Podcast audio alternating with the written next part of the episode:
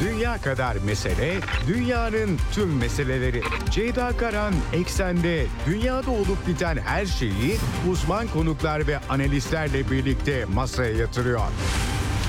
Dünyadaki meseleleri merak edenlerin programı Ceyda Karan'la Eksen hafta içi her gün saat 16'da Radyo Sputnik'te.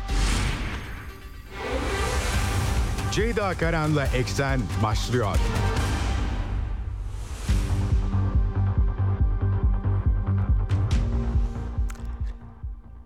Eksenden merhabalar efendim. Bugün 12 Ocak 2024 günlerden Cuma dünyadan haberlerle karşınızdayız. Yine yüklü bir gündem var artık haftayı kapatıyoruz. Yeni senenin ikinci haftası da bitiyor.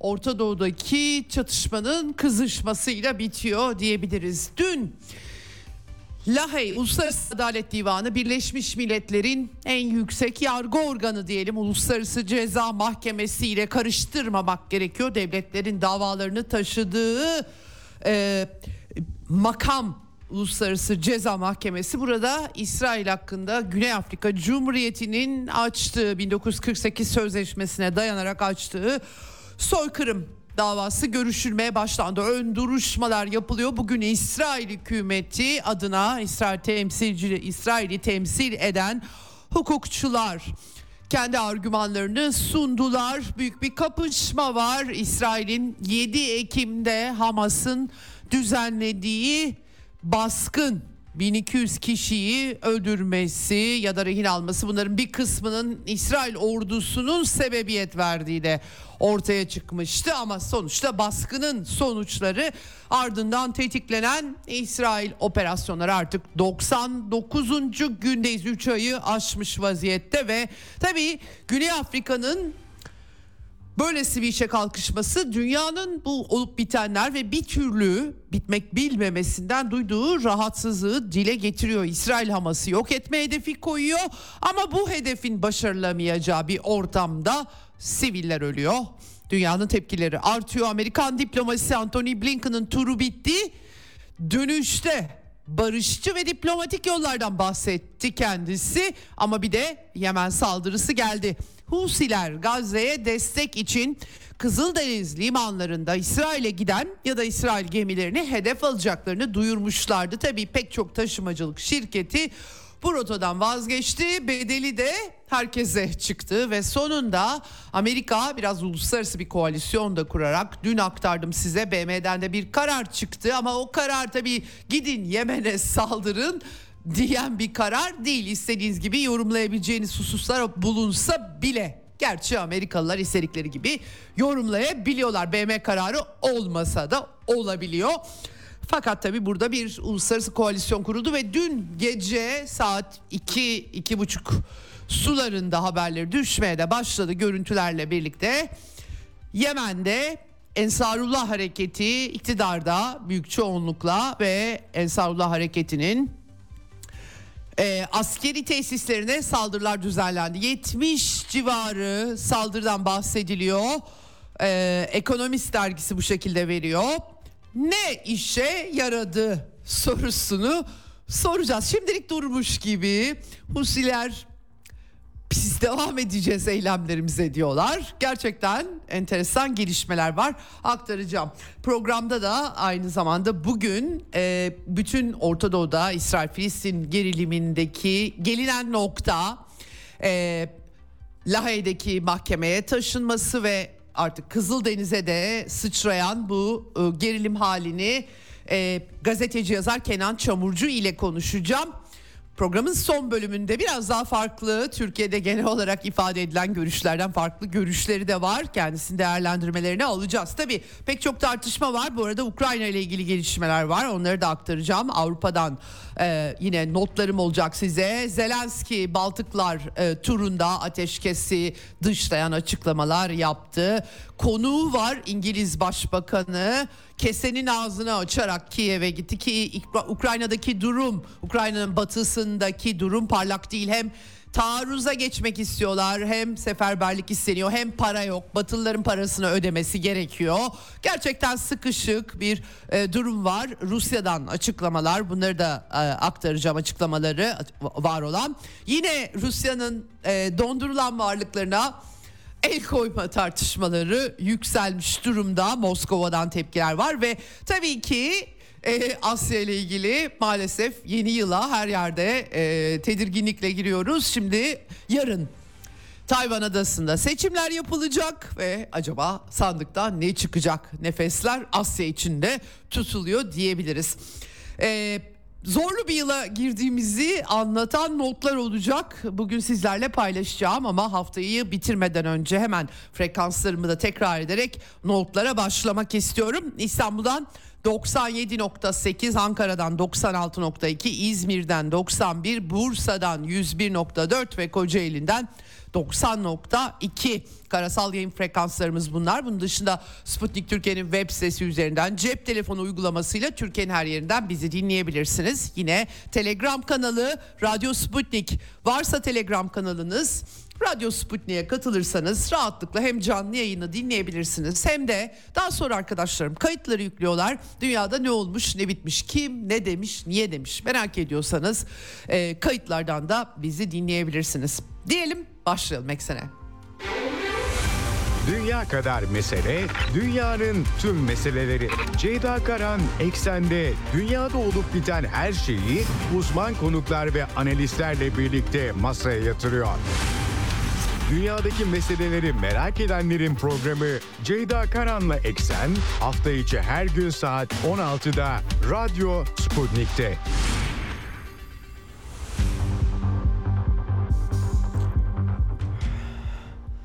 Evet, çatışmaların 99. günü İsrail ve Filistin arasında. Can kaybı Gazze şeridinde maalesef her gün can kayıplarının haberlerini aktarıyorum size. E, Gazze'deki Sağlık Bakanlığı 23.708 olarak açıkladı. 3 aylık tablo bu. 60 bini aşmış durumda yaralı sayısı. Çatışmalar yoğunlaşarak devam ediyor. İsrail'in hava bombardımanları var. Refah'ta 9 Filistinlinin sığındıkları apartmanın vurulması sonucunda hayatlarını yitirdiklerini açıkladılar.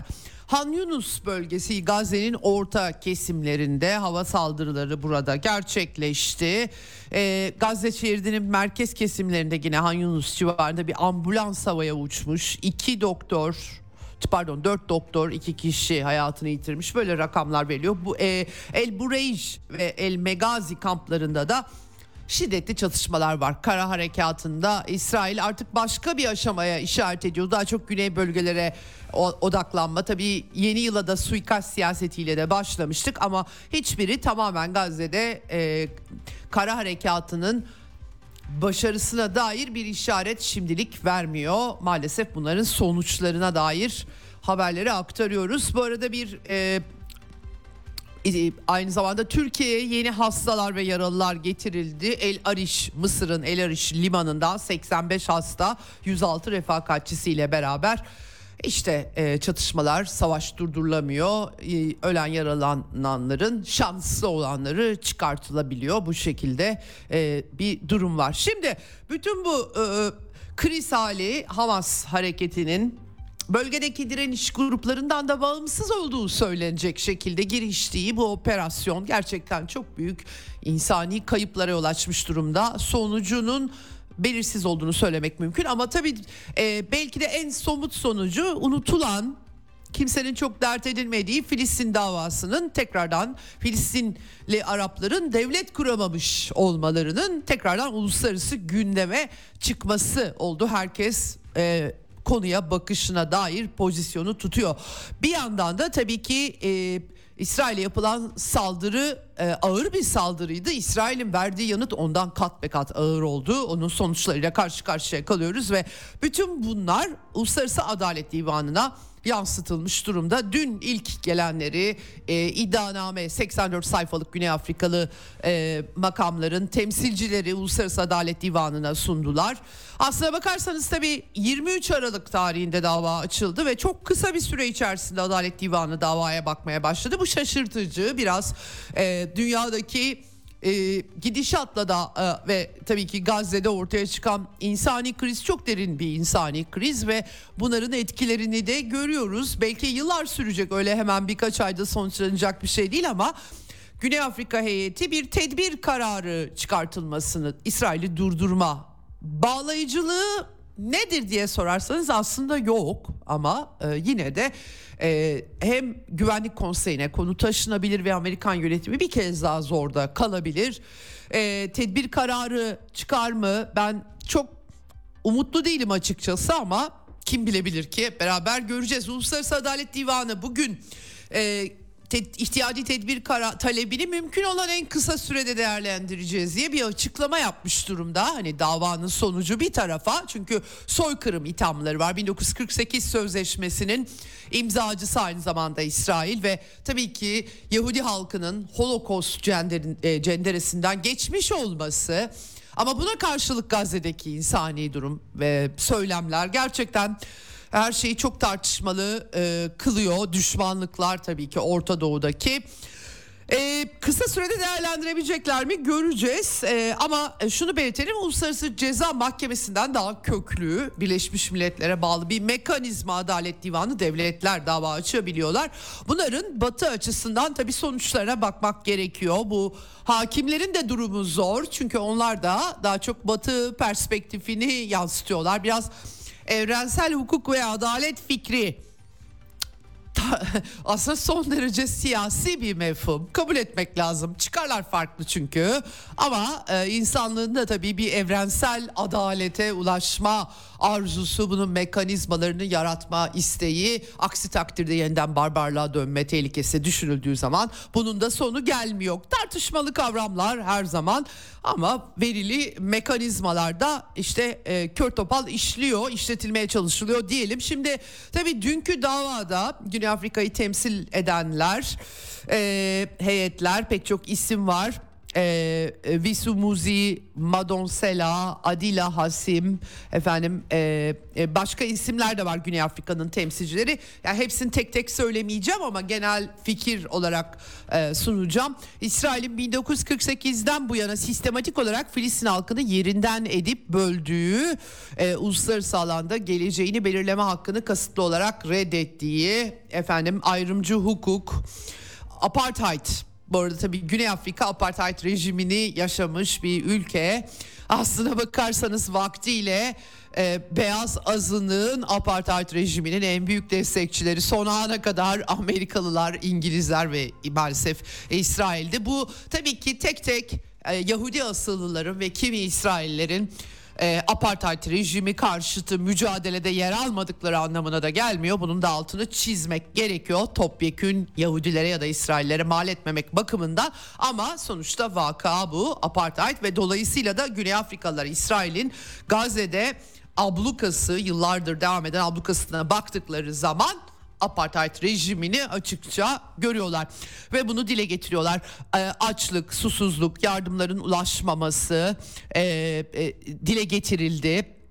İnsansı hayvanlar terimi maalesef İsrailli yetkililer bakanlar bunlar hükümet düzeyinde isimler hani bunları böyle sıradan isimler sıradan insanlar pek çok şey söyleyebiliyorlar tabii ki ama bizatihi etkili ve yetkili bakanlar böyle cümleler kurduklarında Tabii bunun siyasi anlamları oluyor. Dolayısıyla bu argümanlar da mahkemeye yansıdı. Gazze niye böyle su, e, gıda tedariği, yakıt kesildi? Çünkü insansa hayvanlarla savaşıyorlar mantığı. Burada ırkçılık, ayrımcılık vurguları yapıldığı Güney Afrikalı heyet tarafından bu sürekli bunun sürekli tekrarlandığının altı çizildi. E, sistematik bir biçimde Filistinlileri insanlıktan çıkarma üslubu olduğu vurgulandı. Gerçekten maalesef İsrail'deki aşırı sağ ve aşırı e, dinci e, temsilciler bunları e, İsrail'de pek çok insanın normal koşullarda hoş karşılamayacakları bir biçimde yaptılar ve bunlar da mahkemede gündeme taşındı. İstatistikler, onarılmaz açılan onarılmaz yaralar, her gün ortalama 200'den fazla Filistinlinin ölmesi, askeri operasyon ama siviller toplu cezalandırma her gün ondan fazla Filistinli çocuğun bir veya iki bacağının kesilmesi, amputasyonlarda anestezi uygulanmaması. Aslına bakarsanız 3 ayda gelen bütün raporlar açıklamalar yansımış durumda. İsrail savunmasını bugün yapıyor. E, tam metinler e, henüz göremedim ama parça parça derlediğim kadarıyla e, Omri Sender var örneğin İsrail'i temsil eden avukatlardan. İngiliz hukukçular var. E, İsrail'de kendi savunmasını yaptı. Filistinli sivillerin haklarının tanınması ve güvence altına e, alınmasını önerecek şekilde e, koşulları karşıladıklarını söylediler.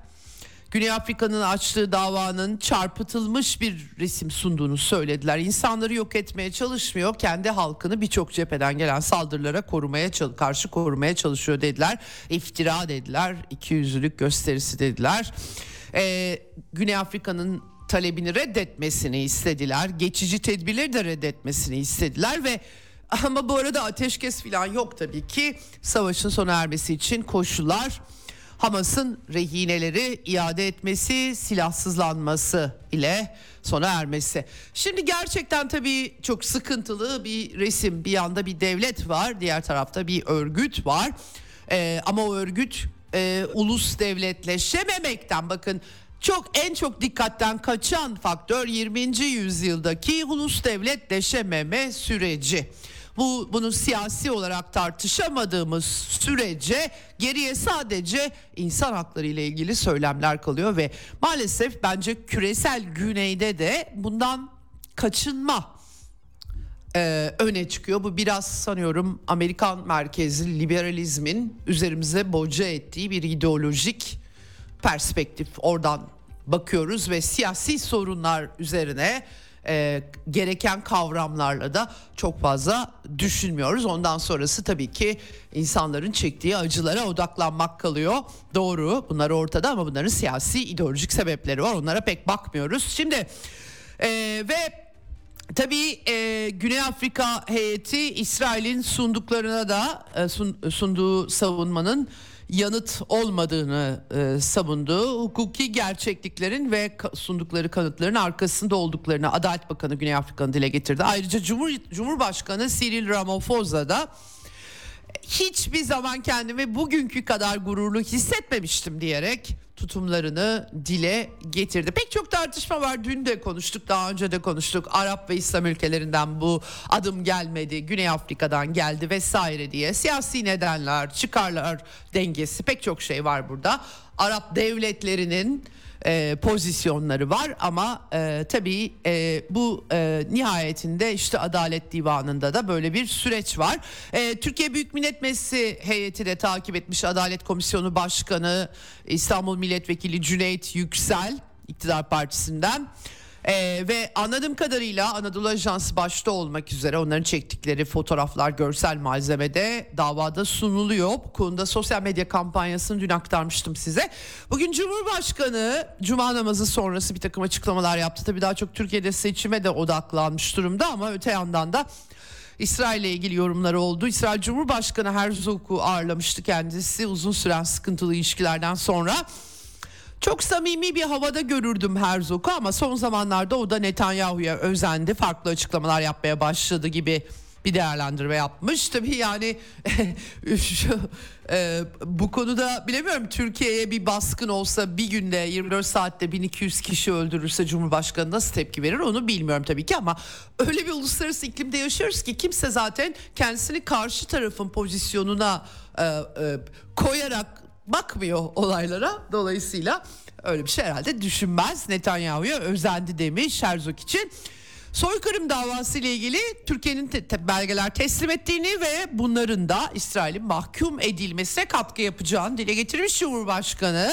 Orantısız güç kullanımına e, vurgu yapmış. Bir de birazdan aktaracağım. Kızıldeniz'i kan gölüne çevirme hevesindeler diyerek Amerika ve İngiltere'nin Ensarullah hareketine Husilere düzenlediği dün gece düzenlediği saldırıları eleştirmiş pek çok kanaldan haber alıyoruz. Husilerin başarılı cevaplar verdiğini farklı kanallardan öğreniyoruz demiş. Hakikaten e, birazdan aktaracağım bunu da.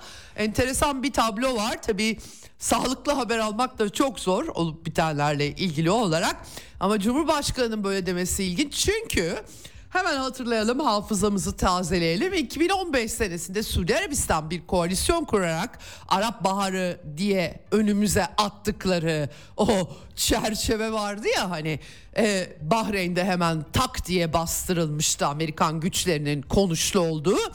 Yemen'de e, kendi iç dengeleri itibariyle karışıklık çıktığı zaman Suudi Arabistan'ın bu koalisyonuna Türkiye'nin de katılması gündeme gelmişti ve bugün Filistin meselesiyle ilgili çok keskin söylemlerde bulunan bir takım isimler siyasal İslamcı yazar çizer o zaman Suudi Arabistan'a destek vermek için Yemen'deki Ensarullah hareketine karşı tanklar gönderme önerileriyle sahneye çıkmışlardı. E, ayrıca Yemen'deki Müslüman kardeşler kolu olan partiyle de dirsek teması içerisinde bisküvi kutuları gündeme gelmişti. Hemen bunları hatırlayalım. Şimdi tabii e, bir takım değişiklikler çarpıcı bu bağlamda gözümüze gözüküyor. Evet hafızayı hatırlamakta fayda var sadece. Efendim e, Amerikan Dışişleri Bakanı Antony Blinken Orta Doğu turunu tamamladı. Geçen cumartesi Türkiye Yunanistan'la başlamış sonra bölge turu yapmıştı aktardım size bu hafta. Ayrılırken de...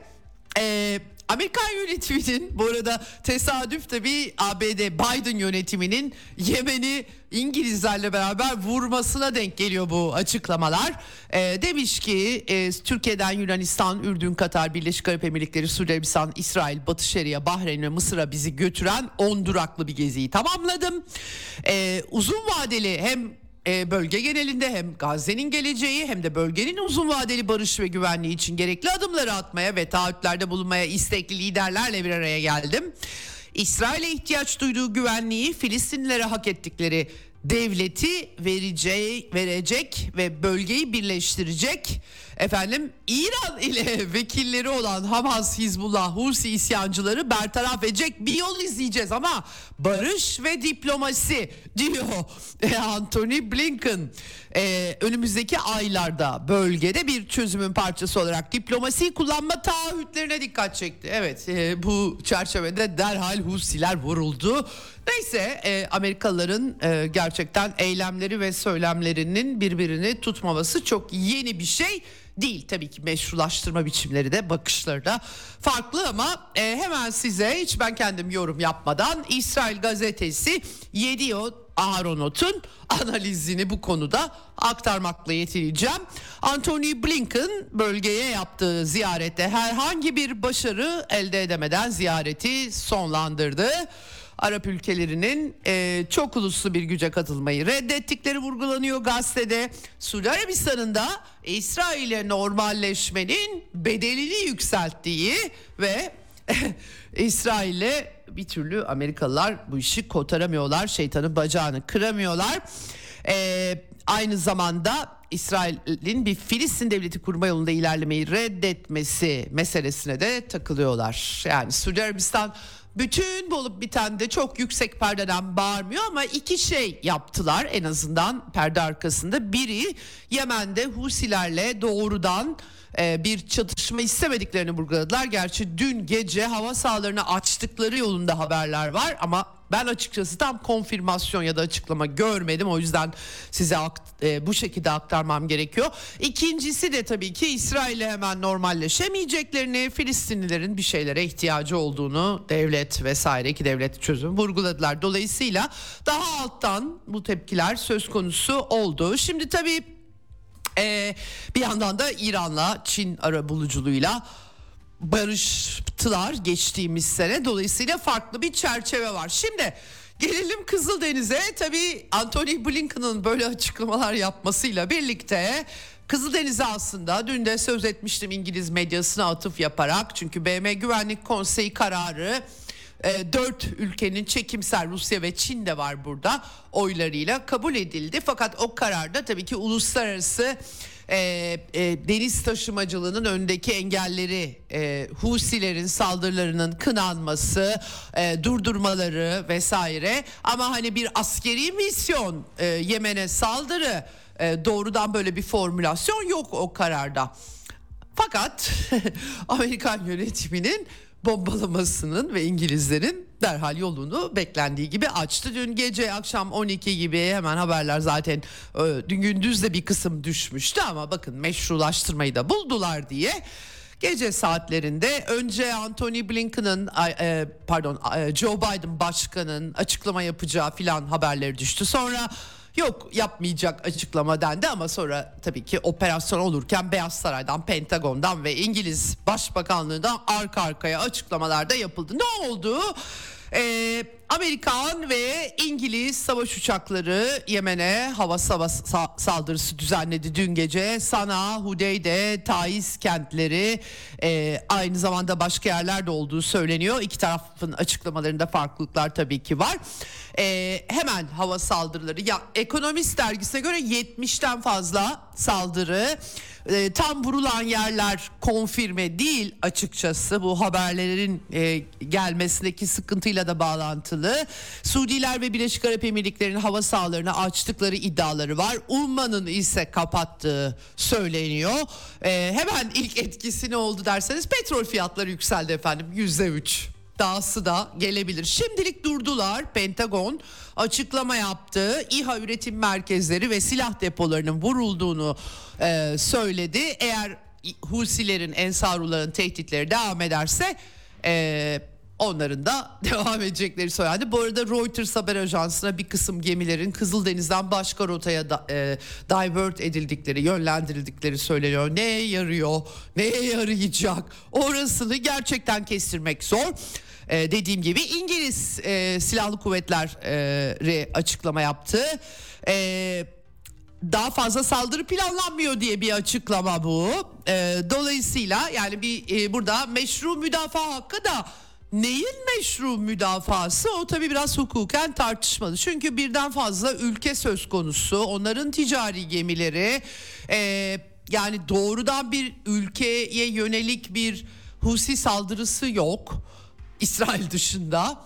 Husiler başka gemilerin tankerlerinin rahatça geçebileceğini söylüyor. Hatta Rus ve Rusya ve Çin tankerlerinin geçtiği haberler eksik olmuyor. Dolayısıyla kime kim hangi meşru müdafaa hakkı sorusu var? Ve ikincisi e, uluslararası taşımacılık şirketleri bir devlet konumunda mı Amerika'yı e, ve İngilizleri silahlı kuvvetleri olarak kullanıyorlar? Ya da NATO bütün dünyada ortaklaşa kabullenilmiş bir hukuki savunma gardiyanı mı soruları var. Hukuki olarak söylüyorum size çünkü Birleşmiş Milletler Güvenlik Konseyi Ey Amerika, ey İngiltere ben size yetki veriyorum gidin halledin demedi. Dolayısıyla hukuki tartışma o kadar kolay değil. Efendim e, şimdi tabii e, Husiler Ensarullah Hareketi'nden arka arkaya açıklamalar geldi. E, Amerikan ve İngiliz çıkarları doğrudan ve ilan edilmiş saldırganlıklarına karşılık olarak meşru hedefler olarak ilan ediliyor Ensarullah tarafından. Ee, Ensarullah Hareketi'nin hükümetinin Yemen'deki Dışişleri Bakan Yardımcısı Hüseyin Elezi'nin ülkemiz Amerikan ve İngiliz gemilerinden, denizaltılarından ve savaş uçaklarından bir kısmını da Kıbrıs'tan kalkıyor. Tabii İngilizler Kıbrıs konusunda çok hassaslar biliyorsunuz. Kıbrıs'taki İngiliz askeri üsleri ve varlıkları önemli.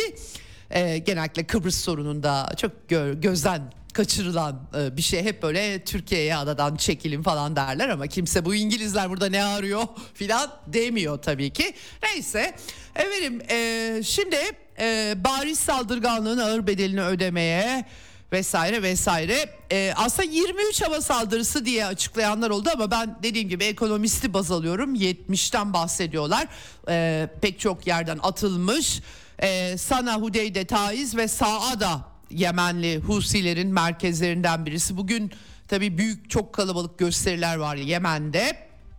Ee, kimileri Husileri temsilci olarak görmüyorlar. Yani bu da tabii ki tartışmalı bir konu. Ama e, Sana Uluslararası Havaalanı yanındaki Ed Delaney hava üssü 4 saldırı diye verdi. Hudeyde Limanı El Katip bölgesinde yine Ensarullah kışlaları ee, yine Hudeyde'nin doğusunda Husilere ait bir kamp. Askeri hedefler gibi gözüküyor yapılan açıklamalardan. Taiz şehri yine bir başka kamp.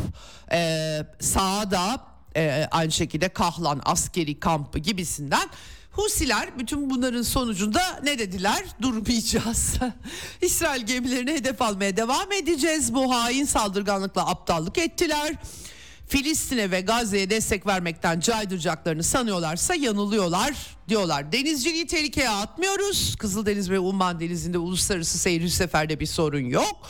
İsrail'e gitmeyen gemiler geçebilirler. Tabii bu işler bu kadar kolay da olmuyor böyle demekle de açıkçası olmuyor. Bir de bulandıranlar var tabii yani böylesi bir çatışmada başkaları da Husiler gibi yapıp başka gemileri vurabilir nihayetinde. E, karakteri böyle olunca çatışmadan işler karışıyor. Velhasıl tabii e, böyle tepkiler ortaya konuldu. Yemenliler de zorlu hasımlar işin doğrusu çünkü Suudi koalisyonu 2015'ten beri Yemen'i bombalıyor. Amerika'nın yardımıyla tabii ve İngilizlerin de elbette. Kolera salgını bile çıkarttılar Yemen'de. Gerçekten ve o kadar acayip ki aslında bu Arap baharı diye milletin özenerek bahsettiği olayların vuku buluş biçimine baktığımız zaman büyük bir çifte standart, riyakarlık ve rezalet görüyoruz tabii ki. Çünkü bir ülkede e, binlerce insanı öldürdüler, kolera salgını patlattılar. Suudi koalisyonu Batı'nın desteğiyle, Amerikan lojistiğiyle yaptılar bunları. Trump falan da değil yani. Obama döneminden bahsediyoruz. Ve sonra Biden geldi ben Yemen sorununu çözeceğim dedi. Şimdi Biden'ın Pentagon'u Ensarullah'ı vuruyor. Zaten Biden ne dediyse hep tam tersi oldu. Tabii onu belirtmek gerekiyor. Şimdi 5 kişinin öldüğü, 6 kişinin yaralandığı e, Yemen ordusu askeri sözcüsü Yahya Sari e, ünlü olmuştu bu krizde. Kızıldeniz krizinde e, ve e, ayrıca da hemen saldırı öncesinde gemi sevar füze fırlattıkları Husilerin 27. saldırı yaptıkları bilgileri vardı. Bugün itibariyle Hollanda, Danimarka, e, Hollanda bir subay gönderecekmiş Amerika'ya destek için refah muhafızı operasyon diyorlardı. E, Danimarka'da fırkateyn gönderecekmiş refah muhafızı için Amerikan faaliyetleri çok değerli. Batıya gidecek mallar söz konusu. Tabii herkes e, e, neler olacağını dikkatle izliyor. Hizbullah'tan tepki geldi. Saldırıları kınadı. Yemen saldırılarını Hizbullah ee, ve e, Amerika ve İngiltere'nin kardeş Yemen'e güvenliğine, egemenliğine, özgür halkına yönelik açık saldırganlığını kınadıklarını belirtip e, İsrail'in trajedi ve katliamların tam teşekküllü ortağı olduğunu bir kez daha ispatladıklarını söyledi. Hamas aynı şekilde e, Washington ve Londra'yı sorumlu tuttu. Ee, e, ilk başta direniş ekseninden başka Irak'taki gruplar, vekalet grupları, Nucema hareketi onlardan da tepkiler var. Ee, e, Buradan tabii e, bu abluka kırılabilecek mi e, sorusu bir kez daha gündeme geliyor. Neye yarayacak diye ama bölge ülkelerinde tepkiler var. Umman dışişleri askeri eyleme başvurulmasını kınadı. Suudi Arabistan itidal ve gerilimi tırmandırmaktan kaçınma açıklaması yaptı. İran tabii keyfi bir saldırıdır diyerek egemenlik ve toprak bütünlüğüne dikkat çekti ki en son İranlılar da bir operasyonla geçen sene çalınan petrollerinin intikamını almışlardı Umman Denizi'nde e, aktarmıştım dün. Rusya saldırıları şiddetle kınadı Maria Zaharova yasa dışı bir koalisyon kurduğunu Amerika ve İngilizlerin ve Yemen topraklarında füze ve bombalarla saldırılar yaptıklarını BM Güvenlik Konseyi'nde e, bu tasarının gerilimi daha da tırmandırmak için bahane olduğunu, e, bu konuda endişelerinin doğrulandığını, çözüm sürecinde e, olduğunu hatırlattı Yemen'de Suudi Arabistan'la Husiler Ensarullah arasında ve bunu sekteye uğratacağını. uluslararası toplumun BM yetkisi olmaksızın Yemen'e düzenlediği saldırıları güçlü bir biçimde kınamaya e, kınaması için çağrı yaptı e, Zaharova. Evet yani e, genel olarak tabii BM'den çıkan kabul edilen Rusya çekimser kaldı. Bu arada Rusya da eleştiriliyor bu yüzden. Ama şu unutuluyor e, Husilerle özel bir şeyi yok. Halbuki son aylarda sürekli olarak Kasım'dan beri yine Rusya'ya kuzey rotası açılsın diye Husileri destekliyor filan diye e, analizler yapanlar patladı yine. o zaman niye tasarıda çekimser kaldı? Yani saçma sapan analizler ortaya atıp ondan sonra da analizler tutmayınca da fazla bir şey diyemiyorlar elbette. E, ayrıca Kremlin açıklamasında Rusya'nın Husilerin uluslararası ticaret gemilerine saldırılarından vazgeçmesi çağrısını Rusya'nın defalarca yaptığı ve bunu yanlış bulduğu vurgusu da Dimitri Peskov'un açıklamasında var. Şimdi Rusya BM Güvenlik Konseyi'nde acil ça- toplanma çağrısı yaptı. Bugün akşam üzeri Türkiye saatiyle bir toplantı olacak. Orada tabii e, göreceğiz. Evet yani zorlu bir durum. Çünkü Husileri e, bu şekilde durdurabilecek mi Amerika ile İngiltere? Kaç kere vuracak? E, durduramazsa ne yapacaklar? Karadan işgale mi girişecekler? Onu bilmiyoruz. Çünkü 2015'ten beri savaşta olan bir nüfus var ve yenilmediler üstelik Amerikan patron sistemleri Suudi Arabistan'ın Aramco tesislerini de koruyamamıştı 2019'da. Dolayısıyla bu Amerikan ve İngiliz şeyi planı e, Husilerin gözünü korkutma amaçlı gibi gözüküyor. Bir vurduk çekildik bakalım duracak diye ama adam, adamlar durmayacağız diyorlar. İsrail'e giden gemileri vurmaya devam edeceğiz. Peki ne olacak? Petrol fiyatları artacak efendim. Amerikan ve İngilizler, İngilizler sayesinde Orta Doğu yine kendileri için bir başka çatışma yaratır mı onu bilemiyorum. Amerika'da seçim senesi ama yani yine bir çatışma bölgesi daha mı çıkacak soruları. Ee, Bloomberg bu arada bu konuda bir yorumlar yapmış ve e, yani birden fazla savaş alanında böyle füzelerle oraya buraya zaten füze yetmiyor. Hani bunlar iyi fikir mi diye sorguluyor. Arada çıkıyor böyle şeyler. Donald Trump'ın da bir yorumu var onu da aktarmak istiyorum. Ee, sosyal medya hesabında bir video yayın- yayınlamış Donald Trump Amerikan başkanı. İşte Biden tarafından başlatılan başka bir savaş daha. Birileri benim 3. Dünya Savaşı'na neden olacağımı söylüyordu. Bu deli adam F-22 jetlerini ve Tomahawk füzelerini Yemen'e karşı savaş yetkileri yasasında kullanıyor. Neden? Joe Biden sadece aptal ve beceriksiz değil aynı ayrıca tüm ülkeyi açık göçmen politikasıyla mahveden gözü dönmüş bir meczup. O ABD'yi ce- cehenneme çeviren bir felaket. Bu adam yüzünden sebepsiz yere 3. Dünya Savaşı'na gireceğiz. Ben tüm savaşları kısa sürede sona erdireceğime söz veriyorum diye açıklama yapmış. Efendim tabii Trump da vakti zamanında bir takım eylemlerde bulundu ama ee, yani e, genel olarak e, bayağı bildiğimiz müthiş bir yanıltma operasyonuyla BM'ye bağlı Uluslararası Atom e, Ajansı e, rezil edecek haberleri daha sonra Amerikalı muhaliflerden okuduk. Suriye'nin kitle imha silahları yalanıyla Suriye'yi gözü yaşlı kızı eşliğinde vurdu ama böyle dandı vurdu çekildi çok göstermelikti. Aynı şekilde tabii e, IŞİD'le mücadelenin en baş temsilcisi Kasım Süleymani'yi Bağdat Havaalanı'nda vurdurdu öldürdü suikast yaptı bildiğiniz Trump.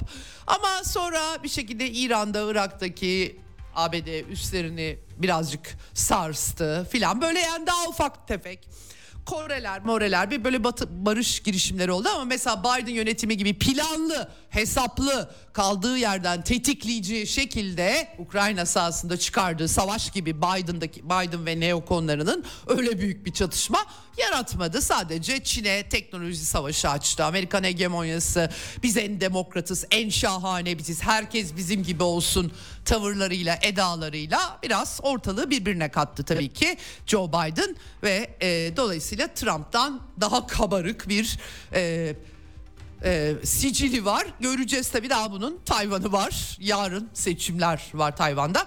E, Trump'ın tepkisi bu şekilde olmuş efendim. Şimdi böyle bir durum var hep beraber göreceğiz programın son bölümünde de.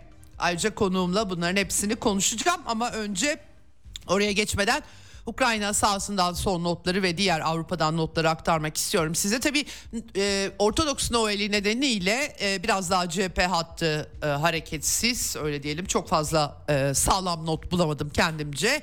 E, ama e, aktarmıştım size İngiliz istihbaratının kehaneti 15 Ocak'ta Rusya'nın taarruza geçeceği Harkov bölgesinden göreceğiz. Çıkacak mı? Ukrayna'nın kayıpları çok ağır. Bu artık açıkça dile getiriliyor. E, Beyaz Saray e, Ulusal Güvenlik Konseyi Stratejik İletişim Koordinatörü John Kirby e, fon beklentisiyle ilgili yani artık bitti dedi. Sağladığımız yardım durmuş durumda. Mevcut stoktan kullandık. En son 250 milyon dolarlık şeyi açıklanmıştı Aralık ayında. Kongre ek finansman çıkarana kadar artık başka yok. Tabii ama e, Zelenski de işte Letonya, Litvanya, Estonya'yı da yanılmıyorsam en son ziyaret etti. Emekliler, Ukraynalı emekliler ölecek Batı para vermez. Yani ülkesini Batı finansmanıyla maaş ödeyen bir ülke haline getiren Amerikan gazıyla kardeş Rusya'ya savaş açan Zelenski emeklilerimiz para vermezseniz ölecek diyor. Sakın böyle isimleri seçmeyin yoksa başınıza gelmeyecek kalmaz. Efendim e, Ukrayna e, parlamentosu Rada, Yüksek Rada seferberlik yasasını hala görüşüyor. Hatta tepkiler o kadar kadınları yaşlıları da e, son Ukraynalıya kadar Amerikalıların tabiriyle cepheye sürecekleri için tabi tepkiler çıkmıştı ortaya ve tasarıyı geri çekmişler revize edeceklermiş. Nesini nasıl revize edecekler? Çok bilemiyorum doğrusu. Çünkü emekli maaşlarını ödeyecek para bile olmadığını bizzat Zelenski'nin söylediği bir ortamda Yarım milyon seferber. Bu arada tabii Zelenski üstüne kalsın istemiyor. O yüzden Genelkurmay Başkanı benden yarım milyon insan istedi diyor. Zarujlu yo ben yarım milyon demedim deyip onu yalanlıyor. Böyle bir durum var aktarmıştım size. Şimdi 12 milyar euro lazım. Geri böyle bir seferberlik için ama emeklerin maaşları yok ortada. Avrupalılar öyle kuklalarına para ödemeyi seviyorlar biliyorsunuz. Tabii herhalde öyle bir beklenti var. Amerika'da kesildi Avrupa, Almanya savaş devam etsin diye Alman militarizmini yeniden canlandırdığı için Amerikalılar onlar da seve seve o militarizme balıklama atladıkları için herhalde finanse ederler. Zengin Almanya gerçi en son verilere göre giderek fakirleştiği anlaşılıyor ama geçelim efendim. E, seferberlik demiştim. E, bu arada e, kadınları cepheye sürmeyi bile düşünen Zelenski'ye 2014 yani Kiev darbesi sırasında 3 kere 2015'te de bir kere askerlik şubesinden celp gönderilmiş. Peki Zelenski ne yapmış? Cepheye gitmiş mi? Hayır gitmemiş. Şimdi gencecik insanlar ölüme gönderilecek. Böyle bir durum var efendim. Ee, Zelenski Estonya'da Tallinn'de e, ateşkes yok demiş. Çok fazla kendisini ciddiye almıyorum açıkçası artık komedyen devlet başkanını ama NATO ülke NATO'ya üyelik için en çok biz yaptık. Niye bizi üye yapmıyorlar diye de epey bir vahlanmış. Ee, konu Rishi Sunak e, Kiev'i ziyaret ediyor. Sarsılmaz kararlılıklarını dile getirmiş ve 2,5 milyar sterlinle beraber yardıma koşmuş. İngilizler finanse ediyorlar gördüğünüz gibi. Ha bu arada pandemideki yalanları ortaya saçılan ve istifa etmek zorunda kalan Boris Johnson 2022 Mart'ında İstanbul'daki neredeyse barışa başlar başlamaz e, olası e, taslak ortaya atılmıştı gidip bozmuştu kendisi. Bunu herkes söyledi. Bütün yetkililer, etkili isimler, İsrail başbakanları herkes söyledi. Heyet başkanı söyledi. Boris Johnson ben bozmadım demiş. Bilmiyorum kim inanır kendisine artık İngiltere, İngiltere'de de inanan kalmış mıdır onu da gerçekten bilemiyorum. Tabii hiçbir şeyden sorumlu tutulmuyorlar. Bu kadar insanın hayatını yitirmesine dair haklarında da dava açılmıyor. o yüzden rahatlar gördüğünüz gibi. Evet Şimdi ee, bir de denetim meselesi var Ukrayna'da. Amerikan Savunma Bakanlığı müfettişi Robert Storch rapor hazırlamış. Efendim e, bir türlü denetleyemedi gitti Amerikalılar. Hala üçüncü ülkeye giden silahlar Orta Doğu'da da ortaya çıkmıştı. Yine de bir şeyler yapmışlar. Efendim 1 milyar 699 milyon dolarlık silah tedarikinin 1 milyar dolarlık kısmı henüz netleştirilememiş gibi gibi. John Kirby, Kirby 40 bin taşınabilir ve kolayca gizlenebilir silahın ortadan kaybolduğunu da sorular üzerine kabul etmek zorunda kalmış. Genel oluyor Amerika'nın savaşlarında çok gördüğümüz bir şey bu. Ee, şimdi bunun dışında tabii e, Slovakya'yı dün aktarmıştım size. Kuzey Kore Rusya'ya silah veriyor diye yine Amerika'nın ortaya attığı iddia Avrupalıların da aynı şekilde Joseph Borrell'ın Macaristan kanıt koymadılar demiş. Slovakya'da öyle demişti imza atmamışlar. Bildiri hazırlamış Avrupalılar Rusya'yı kınayan. Ee, efendim Türkiye, Bulgaristan, Romanya, Karadeniz'de mayın mutabakatı e, bu mutabakat imzalandı. Yaşar Güler imza koydu e, Savunma Bakanı e, Bulgar ve e, Rumen mevkidaşlarıyla birlikte e, dün e, yanılmıyorsam ya da önceki gün konulmuş kalender kasrında İsrail e, İstanbul'da. Tabii sürüklenen mayınlar öyle uzaydan geldi sürükleniyor gibi söylüyorlar tabii. Ukrayna mayınları söz konusu burada. E, demiş ki Ha bu arada Türkiye götürmüş öneriyi çünkü Yaşar Güler diyor ki müttefiklerimiz Romanya ve Bulgaristan'a götürdüğümüz teklif sonrasında stratejik bir vizyon benimsedik. Üç ülke deniz kuvvetleri komutanları operasyonu yürütmek için komite oluşturacak. Diğer Karadeniz ülkeleri de dahil olabilir. Tabii bu katılımı komitenin onayıyla mümkün olacak. Diğer kıyıdaş olmayan müttefiklerimizin bu inisiyatife muhtemel katkı beklentilerini değerli buluyoruz ama sadece üç kıyıdaş müttefike açık olacaktır. Yani NATO'nun Karadeniz'e sızma girişimlerine yönelik bu lafları kullandığını anlıyorum. Montreux Boğazlar Sözleşmesi'ne de atıf yapmış durumda. Ee, ama tabii bu girişim nereye açılacak bilmiyoruz. Amerikalılar çok memnun bu girişimden Romanya ve Bulgaristan sadık NATO müttefikleri. Türkiye'de öyle sonuçta son tahlilde. Ee, Amerikan Dışişleri'nin kamu diplomasisinden sorumlu bakan yardımcısı Liz Allen örneğin Stratejik ve Uluslararası Çalışmalar Merkezi'nin Karadeniz'de güvenlik sorunları ile ilgili etkinliğinde konuşmuş. Amerikalılar oturdukları yerden çok kaygı duyuyorlar Karadeniz'deki güvenlikten malum. O yüzden düşünce kuruluşları full çalışıyor. E, demiş ki tabii iki iki buçuk ay önce e, böyle çok istekli bahsediyorduk bunlardan. Anlaşma imzalandı. Büyük memnuniyet duyuyoruz. Bulgaristan'a gidecekmiş Blinken yakın zamanda. Hemen bunların müjdesini vermiş NATO'da. E, seyri sefer özgürlüğü ve gıda güvenliğine yönelik katkı demiş. Göreceğiz bakalım böyle girişimler nasıl sonuçlanacak hakikaten. E, ama Amerikalılar çok memnunlar Karadeniz'de bu yeni gelişmeden. Evet şimdi e, Rusya'dan tabii ki e, henüz bu konuda pek bir tepki göremedim. Daha çok işte e, Kiev rejiminin Maria Zaharova'nın 20-30 Aralık'ta Belgorod'u rastgele vurup sivilleri öldürmüştü Ukrayna ordusu.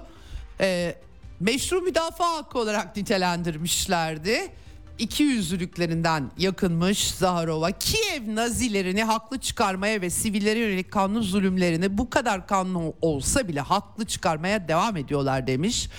Ee, bu bunun dışında Kore Yarımadası'nı da Amerika'nın Güney Kore ile birlikte Filipinler de dahil onu da etmek lazım dahil gerdiği Çin'e karşı Asya'da yeni cephe muhabbetlerinde eleştirmiş durumda ama asıl tabii e, artık Doğu Avrupa'nın faşist yönetimleri de Rusya topraklarının vurulması çağrısı yapıyorlar. Bunun yol açabileceği sıkıntıları da çok dert edinmiyorlar. Dolayısıyla Dimitri Medvedev de bir uyarıda bulunmuş Rusya Güvenlik Konseyi Başkan Yardımcısı. Rusya'daki füze fırlatma rampalarına batı füzeleriyle saldırı düzenlenirse Rusya'nın nükleer doktrinini hatırlatmış kendilerine. Ne anlama gelir? demiş. yanıtı olacak anlamına geliyor ama tabii bunlar sorumsuz ülkeler. Bunlar böyle nefret, kin kusuyorlar. Başka da pek bir şey yapmıyorlar. Hele Baltık ülkeleri Sovyetlerin çöküşü sonrası tamamen Amerikan hegemonyasına girdikleri için e, komşularından duydukları nefretle bilenmiş bir siyaset sınıfı yaratmış durumda. Bir farkı yok pek. Efendim e, Polonya bunu aslında vaktim olsa daha detay. Polonya ne, neoliberal Avrupa'nın en hazinli, e, hazin dolu, hazin yüklü ülkesi haline gelmeye aday. Ana, e, şimdi Hukuk ve Adalet Partisi NATO'nun en büyük destekçisi, Amerika'nın hoşnut olduğu ama biraz muhafazakar diye demokratların e, iç işlerinde hoşlanmadığı, Brüksel'in de öyle. İktit, e, şey seçimleri yitirdi. Kim geldi başa? Donald Tusk. Yeni Dışişleri Bakanı. Yaşasın Amerika kuzey akımı vurdu diyen Sikorski. Fakat Donald Tusk liberal intikamla geldi başa.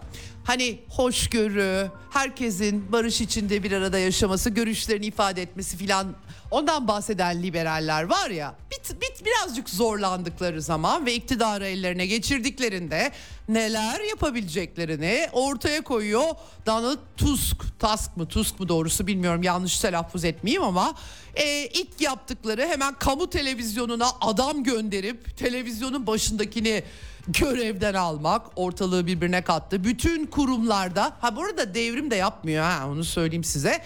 Sonra Cumhurbaşkanı'nın affettiği iki ismi Cumhurbaşkanlığına polisi yollayıp yaka paça içeri tıkmak oldu. Hiç hoşlandığım için söylemiyorum bu Polonyalı muhafazakarların e, e, başlarına gelenlerden ancak onların yerine gelen liberallerin de karakterlerini doğru anlamakta fayda var diye düşünüyorum. Tabii biraz ortalık birbirine karıştı.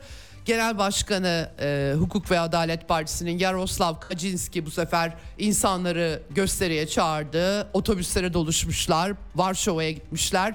Task Brüksel'e değil hapse sloganları atmışlar.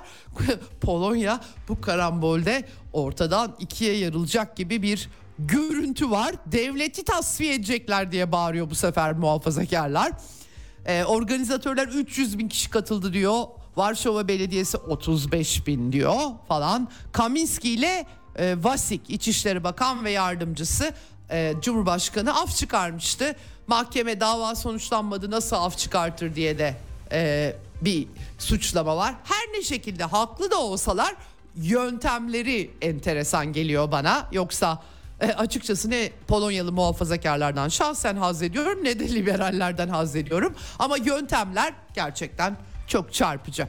Evet Avrupa'da da yayılacak bu muhtemelen çünkü Almanya'da AFD'yi kapatma söylemleri yükselmeye başlandı. Fransa'da Cumhurbaşkanı Macron e, Elizabeth Borne'u görevden aldı başbakanı. Yerine işte e, Gabriel Attal'ı atadı. Pandemide öne çıkan bir isimdi. E, eşcinsel anladığım kadarıyla e, ortağı e, Stefan Sejournet o da Dışişleri Bakanı olmuş. Aile boyu saadet diye tweet atmak durumunda kaldım mecburen. Başka ülkelerde olsa o neler neler söylerler.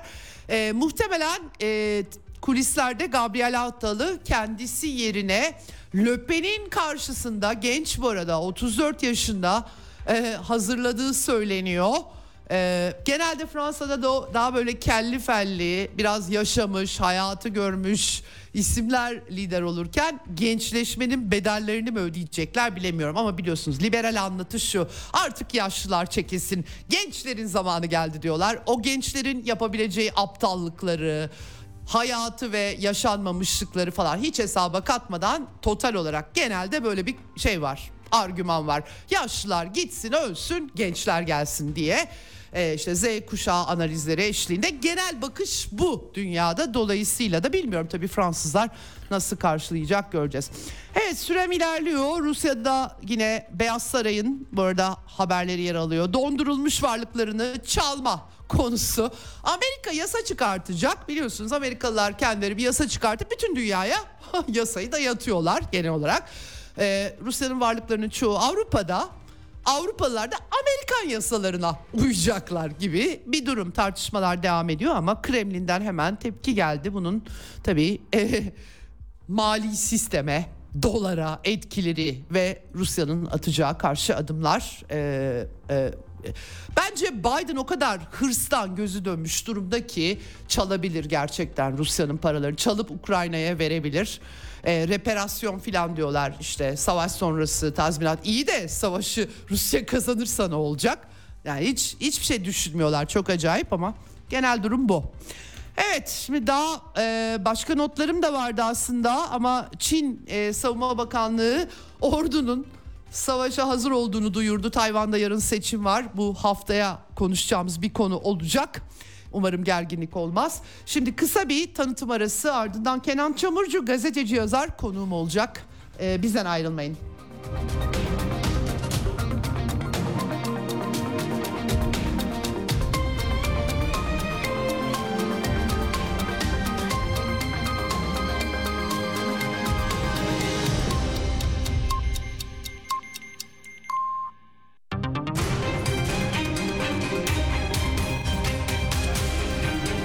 Radyo Sputnik. Anlatılmayanları anlatıyoruz.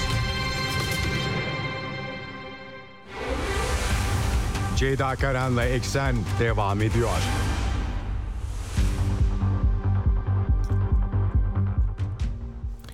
Evet Eksen'in son bölümündeyiz. Telefon hattımızın diğer ucunda gazeteci yazar Kenan Çamurcu var. Hoş geldiniz yayınımıza. Hoş geldin. Hoş bulduk Cihan Ceyda Hanım. Sağ olun. İyi yayınlar. Çok teşekkür ediyorum katıldığınız için Eksen'e. Gerçekten sıkıntılı bir biçimde 2023'ü dünya tamamladı. İşte 2024'de de Orta Doğu'da, Ukrayna'da, belki Asya'da da yeni gerilimlerle giriyoruz. Ben her gün e, haberleri, gelişmeleri aktarmaya çalışırken artık epey de zorlanmaya başladım. Nefret, yüklü herkes birbirine, e, şiddet, küçük çatışmalar böyle bir dünya e, tablosu var. Üzü, üzülerek söylüyorum bunu ama tabii dikkatlerimiz hepimizin son 3 aydır 3 ayı aştı. Orta Doğu'ya çevrildi. Sizin de çok e, ta, iyi yakından takip ettiğiniz bir bölge olduğunu biliyorum. Biraz da farklı görüşleriniz var. Başka e, e, genel e, diyelim yansıyan görüşlerden. E, mesele Uluslararası Lahey Adalet Divanı'na İsrail ile ilgili vardı. Tabii Hamas'ın baskını 24 saatte e, çok sayıda insanın hayatını yitirmesi 1200 deniyor. İsrail'in çok şiddetli bir tepkisiyle sonuçlandı malum e, ve e, gerçekten de çok insani açıdan vahim manzaralar çıktı. Şimdi mahkemede bunlar da tartışılıyor. E, işin Kızıldeniz boyutu da girdi onu sonra soracağım ama önce şunu soracağım size.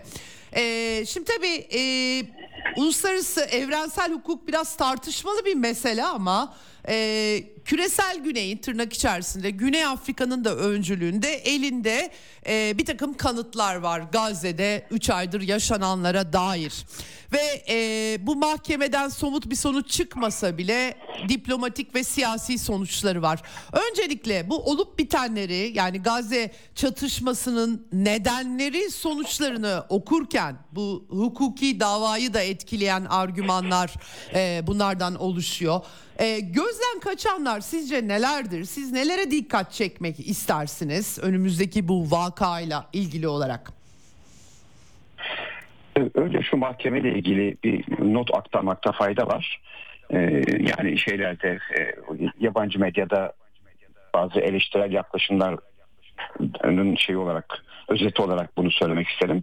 Yani Güney Afrika hı hı. E, yönetimi şikayeti yapan taraf e, fakat ona da şey hatırlatılıyor e, bu şikayet yapanlara. Zamanında Sudan'daki patlayanın faili e, eski Cumhurbaşkanı Ömer Elbeşir hakkında aynı mahkemenin kararı olmasına rağmen yakalama kararı olmasına rağmen Güney Afrika e, bu karara uymadı. Yani hiçbir şekilde bunu dikkate almadı. Şimdi aynı şeyi aynı suçlamalarla bir dosya oluşturup e, İsrail hakkında e, bir e, girişimde bulundu. E, bu, bu tabii Güney Afrika'nın e, çifte standartı, iki yüzlülüğü denebilir. Yani karar var. Örneğin Ömer Beşir Türkiye'ye de gelmişti malum. Ankara'da ağırlandı. Halbuki o sırada hakkında yakalama kararı vardı.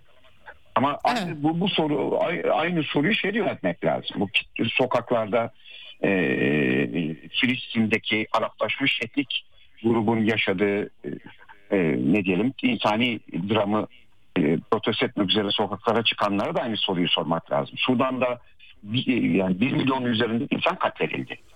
Cancevitler Evet. veya işte diğer milis gruplar ve bunlar hükümet destekli. Bu çok iyi biliniyor. Ama onlar için çok Darfur, Darf, Darfur, evet Darfur, Darfur meselesi olayı, evet. Darfur olayı ve devam eden o sistematik devam eden bir şey o. Yani hala devam ediyor. Cancavitler, o milisler, İslamcı milisler, radikal onlar hala devam ediyorlar katliamlara. Kimse bunu protesto Evet. etmek için sokaklara dökülmüyor. Burada bir problem var demek ki. Yani e, iş şeye odaklandı. İsrail bir konu olduğunda e, kabaran öfke nedense başka konularda e, harekete geçmiyor. Bunun bir nedeni olmalı. Yani e, acaba antisemitizm midir? Yani bu Yahudi düşmanlığıyla da sınırlamayacağız bunu. Semitik e, kavimlere yönelik, içine Araplar da girer. Müslümanlara da e, yol verecek bir şeydir bu. E, ama Müslümanlar e, Yahudi'yi hedef göstererek aradan sıyrılma gibi bir gayri ahlaki tutum da içerisinde. Şimdi Gazze'de kuşkusuz e, bir şey var.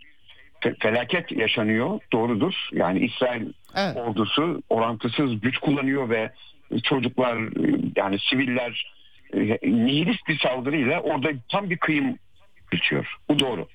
Evet, Ee, evet. Fakat bunu bunun bunun Müslüman dünyada, Müslüman algı dünyasında neden Yahudi diye kodlandığını sormamız lazım. Yani bu şeye kadar götürülebilir. Ee, Hitler'in Hitler adına e, Nazi tugayları kurmuş, Filistin'de Araplardan Nazi tugayları kurmuş İngiliz müftüsü El Hüseyinli'ye kadar bu götürülebilir.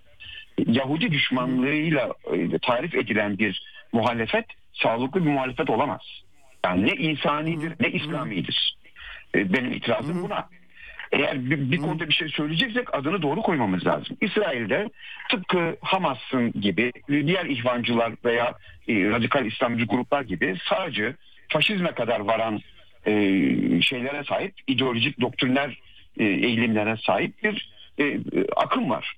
Muhatap bunlar. Neden adını Likudçular koymuyoruz? Neden Netanyahu ve onun muadili diğer sağcı e, e, e, iyi eğilimler, politik tutumların bu işten sorumlu olduğunu söylemiyoruz da İsrail diye kodluyor. Şimdi bu mahkeme mahkemenin böyle tarif edilmesi bence tamamen antisemitik e, emeller, gizli örtük niyetlerden kaynaklanıyor. Bu İsrail değil, varoluşsal bir mesele değil bu. Çünkü İsrail'de solcular da var, demokrat insanlar var, sokaklara çıkıyorlar.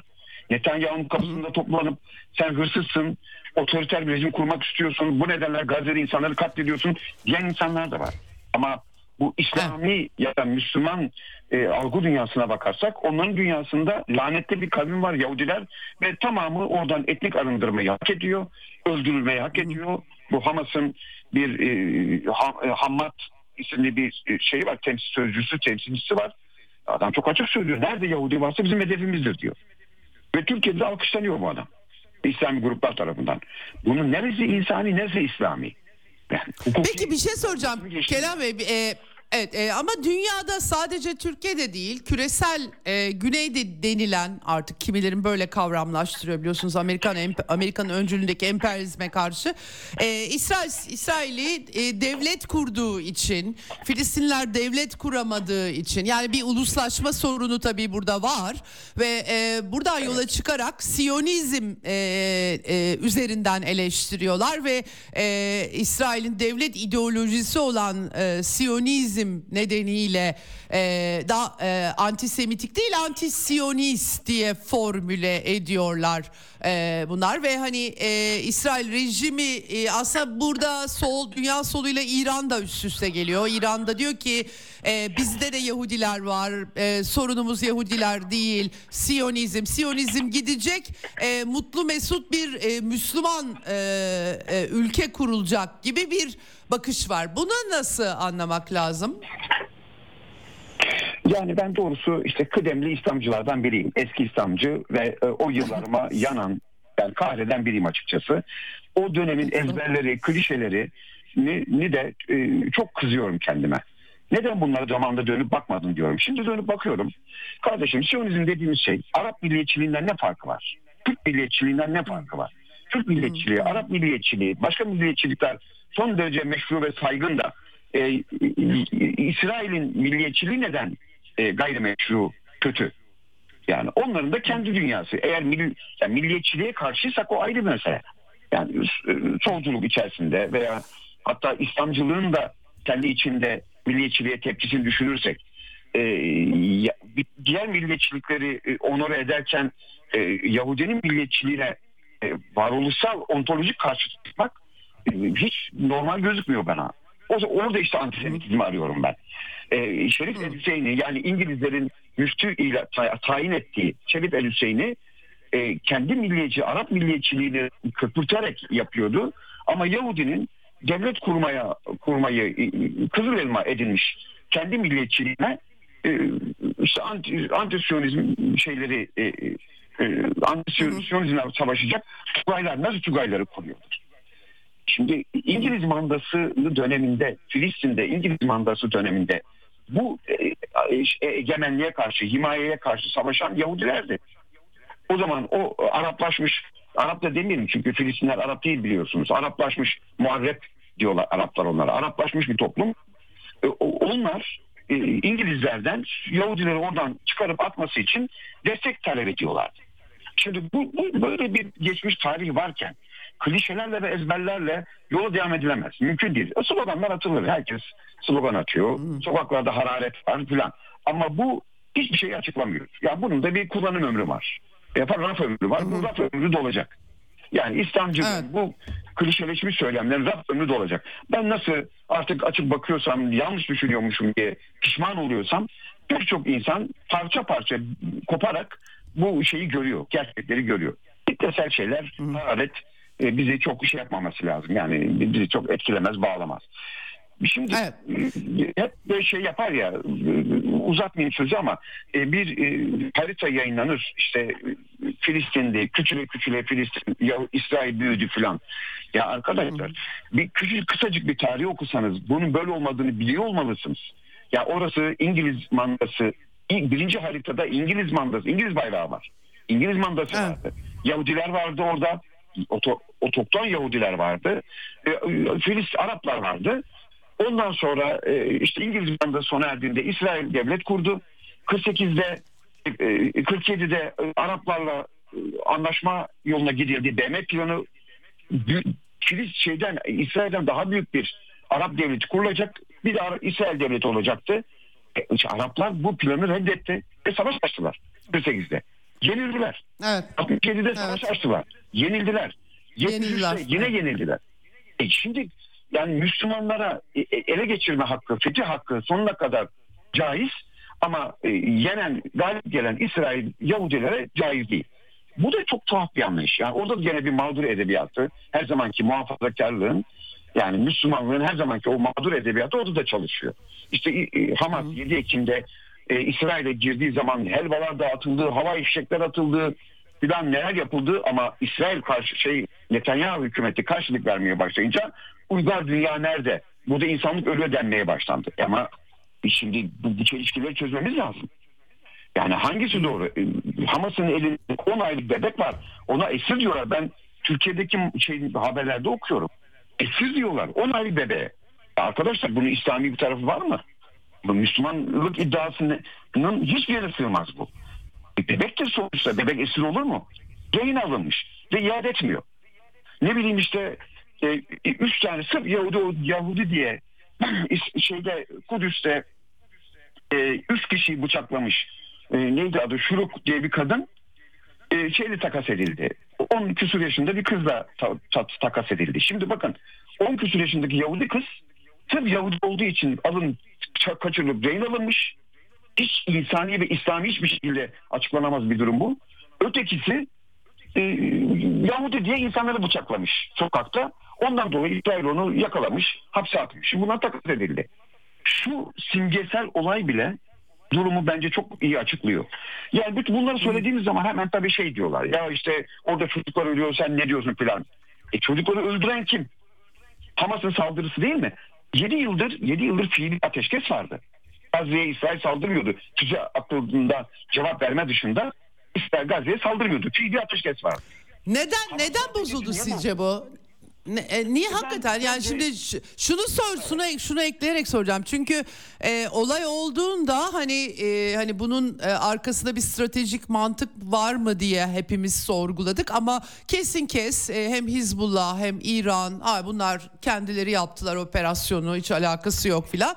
E, peki ne için e, sorusu? Çok fazla sorulmadı tabii. Yani bu sorun da e, devletleşememe sorunu devam ettiği için Filistinli Arapların bu çok sorulmadı. Sizce neden peki bozuldu ateşkes? Yani böyle keyfi bir şey mi? Canı sık yani tabii ki can sıkıntısı değil burada. İsrail'in de e, Gazze politikaları aklanacak politikalar değil elbette ama hani e, buradaki stratejik mantık nedir? Çok fazla insan öldü çünkü doğal olarak insan sorguluyor. Şimdi e, e, Suudi Arabistan'ın e, İsrail'le e, anlaşmak üzere olduğu İbrahim Anlaşması'nı biliyorsunuz. Anlaşmak Aha, üzere evet. olduğunu biliyoruz. Yani tam eşiğin şeyindeydi yani eşiğine gelmişti. Anlaşma Ha, onu üzereydi. engellemek. Evet. Ve Ha. bu bu anlaşmanın bu anlaşmanın Hamas gibi yapılanmaların orada varlığını sürdürmesine imkan vermeyeceğini Hamas biliyor. Yani bir saldırısıydı. Bütün bölgeyi bir şeye mecbur etmek için bunu yaptı. Ama bence bu plan çok kötü bir şekilde e, onun aleyhine sonuçlandı. Bunu düşünüyorum ben. Hiç öyle Hamas işte e, insanlar dünya ayağa kalktı falan diye düşünüyoruz ama hayır. Bu orta vadede veya uzun vadede Hamas'ın orada artık barınması e, Gazze'yi daha fazla e, e, Gazze'de istibdadını sürdürmesi mümkün değil. Yani Gazze'de darbeyle Hamas e, e, e, hakim oldu. Bunu bunu hepimiz biliyoruz. Gözümüzün önünde yaşandı olay. 2006'da seçim oldu. Doğrudur. Seçimi kazandı. Evet. Seçimi kazandı dediğimizde Evet. işte yüzde 42 aldı. Yüzde 40'ta El Fethi almıştı. Ama 2007'de darbe yaptı. El Fethişileri katlederek, ev ev katlederek oradan Evet, çıkmaya zorladı. evet. Darbe yaptı ve ondan sonra da bir daha seçim falan düzenlemedi. Şimdi Hamas liderleri Katar'da 5 yıldız otellerde lüks hayat yaşıyorlar. Ee, dünyadan, e, İran'dan, oradan buradan, e, Arap ülkelerinden, prenslerden, petrol kuyularından e, 1 milyar dolar üzerinde yıllık para topluyorlar. Rakam da tam bilinmiyor. Ama Gazze'de sefalet olduğu söyleniyor. Şimdi Gazze'de e, 95'te havaalanı açan İsrail'di.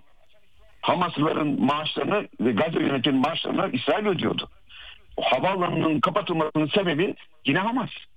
Yani e, saldırılara başladı. Adına intifade denen o e, İsrail'e ve işte Batı Şeria'da filanki saldırılarla bir anda orası işlemez hale geldi. İsrail'le işte şey yaptı yani e, o, operasyon Evet. düzenledi falan. Evet. Şimdi bütün İntihar saldırıları. intihar saldırıları. Ama bütün bu yapılanlar e, e, şeyi güçlendirdi. İsrail'de sağı güçlendirdi. Yani sol, Evet. İsrail solu, sekülerler, sol, e, demokrat, demokratik bir İsrail e, şeylerle, e, Araplarla beraber hem is- o bölge orada hem bölgede barış içinde bir arada yaşama, kardeşliği savunan e, solcular e, kademeli sistematik olarak gerilediler. Bu, bu gerilim tablosu yüzünden. Şimdi bir e, çözüm peşinde koşan bir e, örgüt Hamas e, yani böyle bir şeyi destekler mi? Barış peşinde koşması lazım. Mümkün olan en çok e, kazancı, avantajı elde edip barış elde etmek ister. E, ama bu yapılanlar tamamen e, barışı öldüren şeylere dönüşmedi mi? Oslo anlaşmalarını sabote eden gene Hamas'tı. Peki Hamas ne istiyor? Evet, Hamas orada kendi diktatörlüğünü sürdürmek istiyor. Çok açık yani. E, Evet. İran Peki. buna destek veriyor. Çünkü kendi içinde de böyle bir istibdat yönetim var.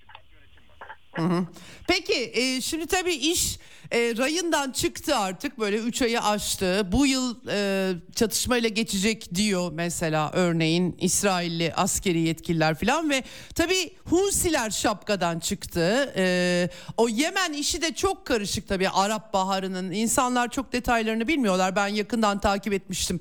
E, doğrusunu söylemek gerekirse Ensarullah hareketinin ülkeyi birleştirme çabalarına katkıları da olmaya olması söz konusu olmuştu ama o darbe aldı Suudi Arabistan etkileri vesaire yani yürümedi e, mekanizmalar ve zaten görev süresi bitmiş bir adamı e, görevde tut göreve iade hatta istifa bile etmişti iade edeceğiz diye bir savaş başlattılar. Şimdi e, Husiler ama tabii o çatışmada bir yandan da Amerikan destekli bir e, Suudi rejimi Birleşik Arap Emirlikleri ile savaştı ve bu iş 7 yıldır da işte geçen seneye kadar e, kolera salgını bile çıktı Yemen'den yani gerçekten çok vahim şeyler yaşandı. Şimdi onlar Gazze'ye e, destek için yeni bir cephe açtılar. E, dinleyenleri de aydınlatmak bakımından açarak söylüyorum. E, soracağım soruyu ama şimdi tabii Husiler biraz denklemi değiştirdi gibi. Fakat onlar da vuruluyor. E, Kızıldeniz faktörü bu işi nasıl etkiler? Yani Yemen'i burada tam olarak nereye nasıl yerleştirmek lazım? Onu da sorayım size istiyorum. Şimdi Husi kabilesi malum Demokratik Yemen e, ilkesiyle silaha sarılmıştı. Şia, şiarı buydu yani sloganı buydu Demokratik Yemen.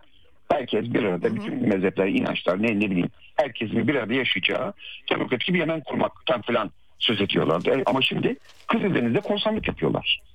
Yani bu evrilmeyi e, kendi işlerinde tartışmaları lazım. Bunun talimatlı olduğuna şüphe yok. Yani bu Tahran talimatlı bir şey.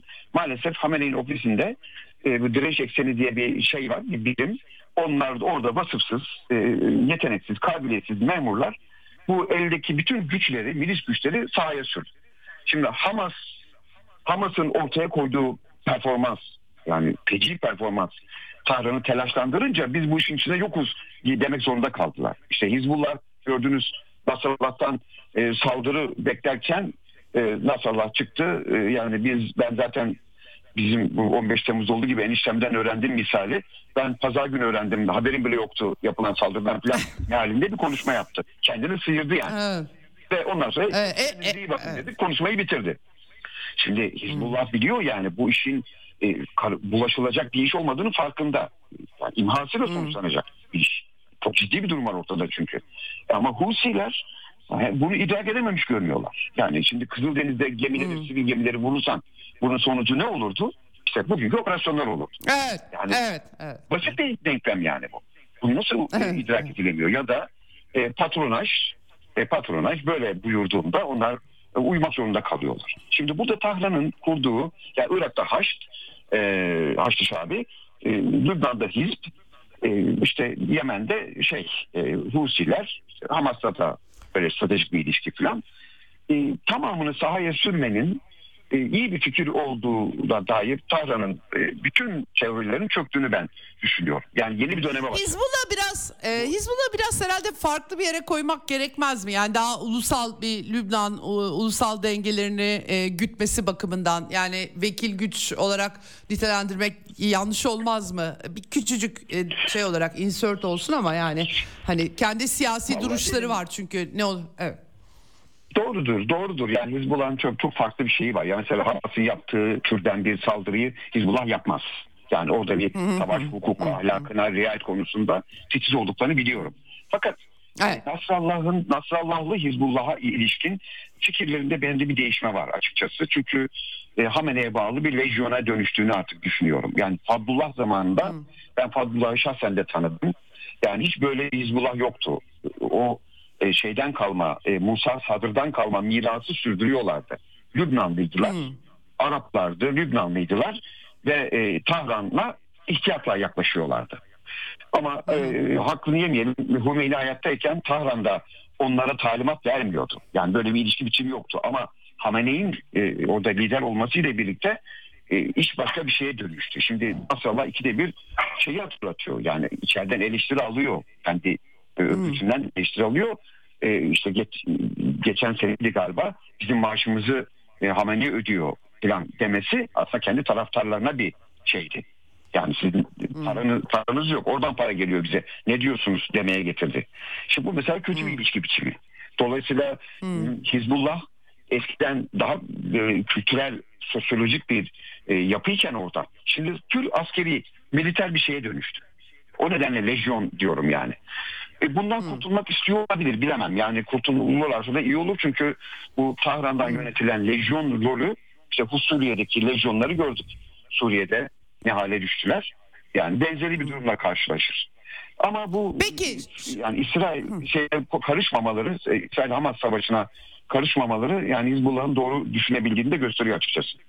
Evet. Peki şunu da sormak istiyorum. Çok fazla vaktim kalmadı. Bir iki dakikam daha var ama e, elimde değil sormam lazım. Şimdi tabii Orta Doğu'daki emperyalizm olgusunu da ihmal etmemek gerekiyor ve e, buna böyle ülke bazında meydan okumakta çok kolay işler değil bunlar. Amerika'nın dünya çapında 800'den fazla askeri üssü. Orta Doğu'nun her yerinde.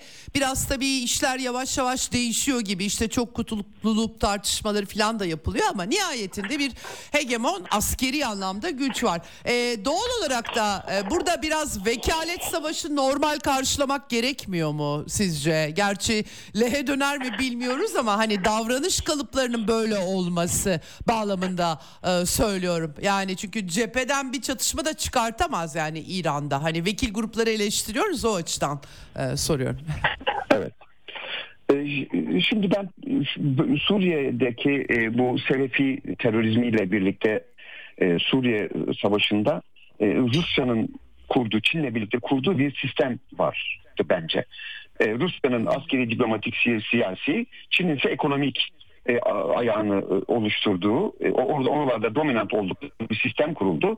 Bu sistem içinde yani Suriye'yi kurtarmak, e, bölgedeki yabancı e, güçleri yani dışarıdan bu çatışmaları çıkaran güçleri o ikili nüfuzunu azaltmaya dönük bir güçtü ve çok olumlu, saygın bir işti bu. E, Hamene'in Hamene'in İran'ı, e, Hizbullah ve diğer vekil güçler bu sistem içinde e, ilkelere ve kurallara riayet ettikleri sürece e, sorun çıkmıyordu. Ama ben e, görüyorum ki e, İsrail de güvenlik içinde olacaktı. Onların Rusya, Çin sistemi içinde. Fakat şimdi başka bir şey ortaya çıktı.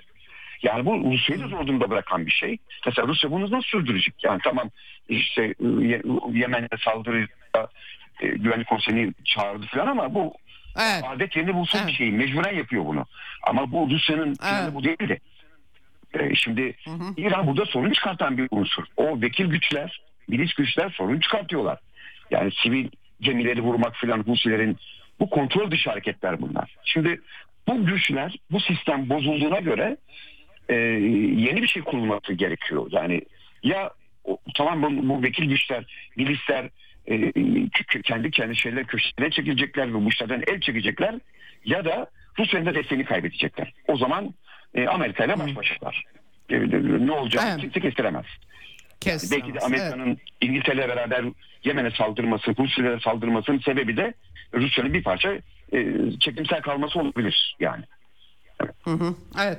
Çok engelleyebileceği bir şey değil tabii Rusya'nın. BRICS'te e, Suudi Arabistan var artık. Birleşik Arap Emirlikleri var. Dengeleri kurması lazım. Gerçekten zorlu evet. durumlar var. E, daha analiz edeceğiz tabii. Çok teşekkür ediyorum değerlendirme için. Vaktimi açtım biraz ama e, çok sağ olun. Farklı e, tartışma başlıkları oluşturmuş olduk. Çok teşekkürler. Evet. Evet bölgeyi çok yakından bilen bir isim Kenan Çamurcu ile konuştuk. Bütün bu gelişmeleri tabii genel olarak herkesin e, tür, hakim e, görüşlere e, sorgulayan farklı bir tutumu var. Onları da tartışma başlıkları olarak almış olduk. E, bu haftalık bu kadar. Pazartesi günü yeniden dünyadan haberlerle buluşmak üzere. Hoşçakalın. Ceyda Karan'la Eksen sona erdi. Dünya kadar mesele, dünyanın tüm meseleleri. Ceyda Karan Eksen'de dünyada olup biten her şeyi uzman konuklar ve analistlerle birlikte masaya yatırıyor. Dünyadaki meseleleri merak edenlerin programı Ceyda Karan'la Eksen hafta içi her gün saat 16'da Radyo Sputnik'te.